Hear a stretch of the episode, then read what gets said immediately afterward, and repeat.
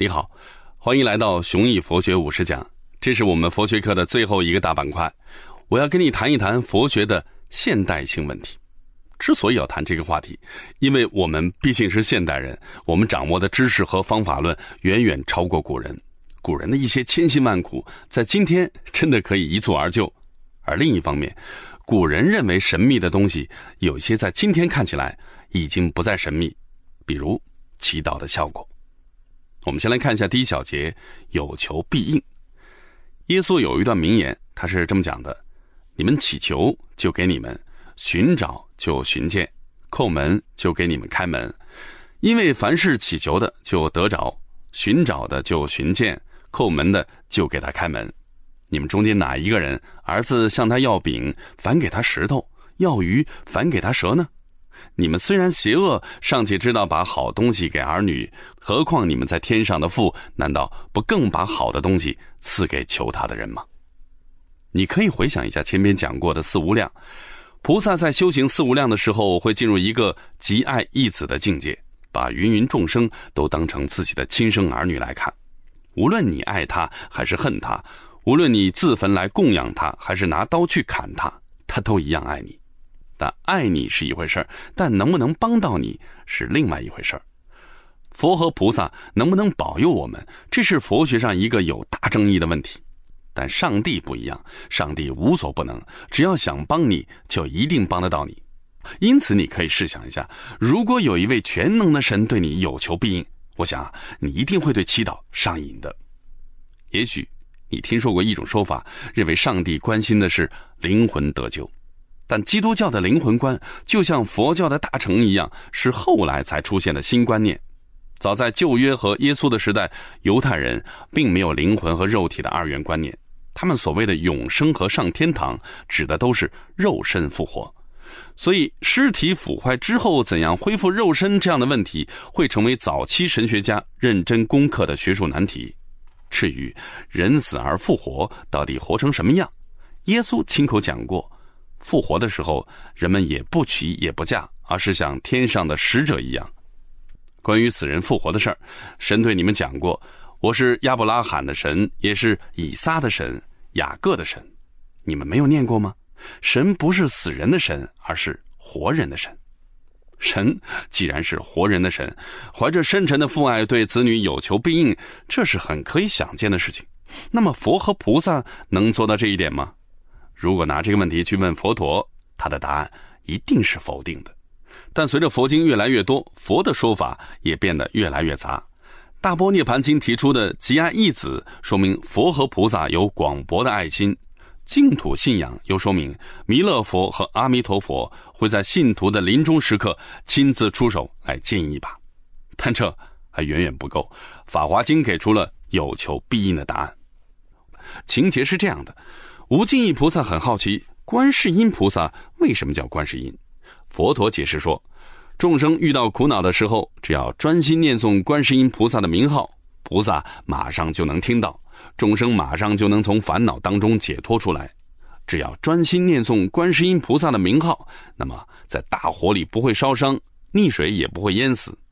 你看啊，假如有百千万亿那么多的众生，为了寻求金银琉璃玛瑙。珊瑚、琥珀、珍珠等等宝物，乘船漂洋过海，即使遇到狂风，把船吹到了罗刹鬼国，这个时候，哪怕船上只有一个人称念观世音菩萨的名号，所有人都能安然闯过鬼门关。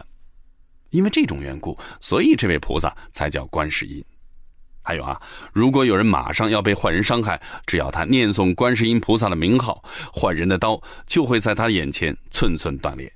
如果有人被屈喊冤、披枷带锁，只要他念诵观世音菩萨的名号，枷锁就会自动脱落。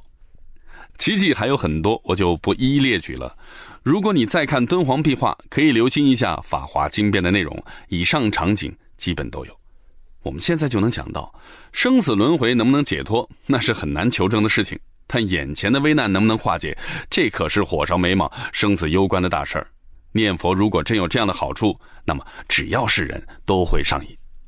另一方面，如果犹豫不决该信哪个宗教，普通百姓一定觉得哪个灵、哪个能救苦救难，就信哪个。如果只看经文的话，貌似各种宗教都很灵，也都能够救苦救难。比如《西游记》里面，银角大王变成了一个落难的道士，诓骗唐僧师徒，说自己被猛虎吓破了胆，跌伤了腿，需要大救。孙悟空嘲弄他说：“你既然害怕老虎，为什么不念北斗经呢？”这部《北斗经》全名叫做《太上玄灵北斗本命延生真经》。根据经文记载，是太上老君传给张道陵的。念诵这部经书可以延年益寿、消灾解难、阖家健康等等等等。总之呢，都是俗人在意的各种好处，不亚于称念观世音菩萨的名号。但是，既然上帝、佛菩萨和道教神仙有求必应，为什么人间还有那么多苦难呢？人们笃信宗教，免不了要祈祷求神保佑。如果要问祈祷到底有多灵验，当然很多人能举出神奇的例子，但个案并不能说明普遍性。到底有没有扎实的手段给出一份可信的统计数据呢？好，我们来看一下第二小节：高尔顿与回归均值。这样的统计研究不像是中国人会做的事儿，但在英国真的有人用科学手段研究过祈祷的功效。他就是达尔文的表弟弗朗西斯·高尔顿。高尔顿在1872年发表了对祈祷效果的统计调查，可以让我们看到，早在19世纪，统计学就已经在社会研究当中发挥巨大威力了。让我们来先看一下统计学的一个概念——回归均值。这在今天并不算是一个生僻的概念，因为就在前些年，德国作家多贝里的《清醒思考的艺术》成为畅销书。其中为回归均值专设一章，提醒我们说，我们自以为通过某些特定的努力才改善了状况，其实这种因果关联并不存在，只是回归均值的规律在起作用罢了。书里举了这样的一些例子：剧烈的背痛很可能不用找心理治疗师也会减弱；高尔夫的成绩不用额外上课也会重新变好；极端成绩和不太极端的成绩总是来回交替。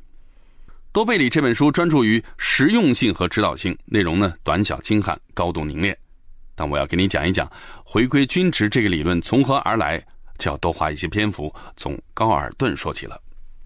高尔顿这个人呢，他是富二代，所以他的研究方向纯凭兴趣，一会儿呢去搞地理发现，一会儿去搞优生学，只要旧的兴趣点被满足了，就转身投向了新的兴趣点。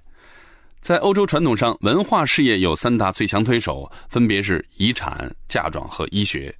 遗产和嫁妆总能保障一名有志青年可以在有钱有闲的余裕里面专心发展自己的兴趣，而医学不是医学的发达，而是医学的不发达，保障了有志青年经常可以很早的在精力最充沛的年纪就能够继承到遗产。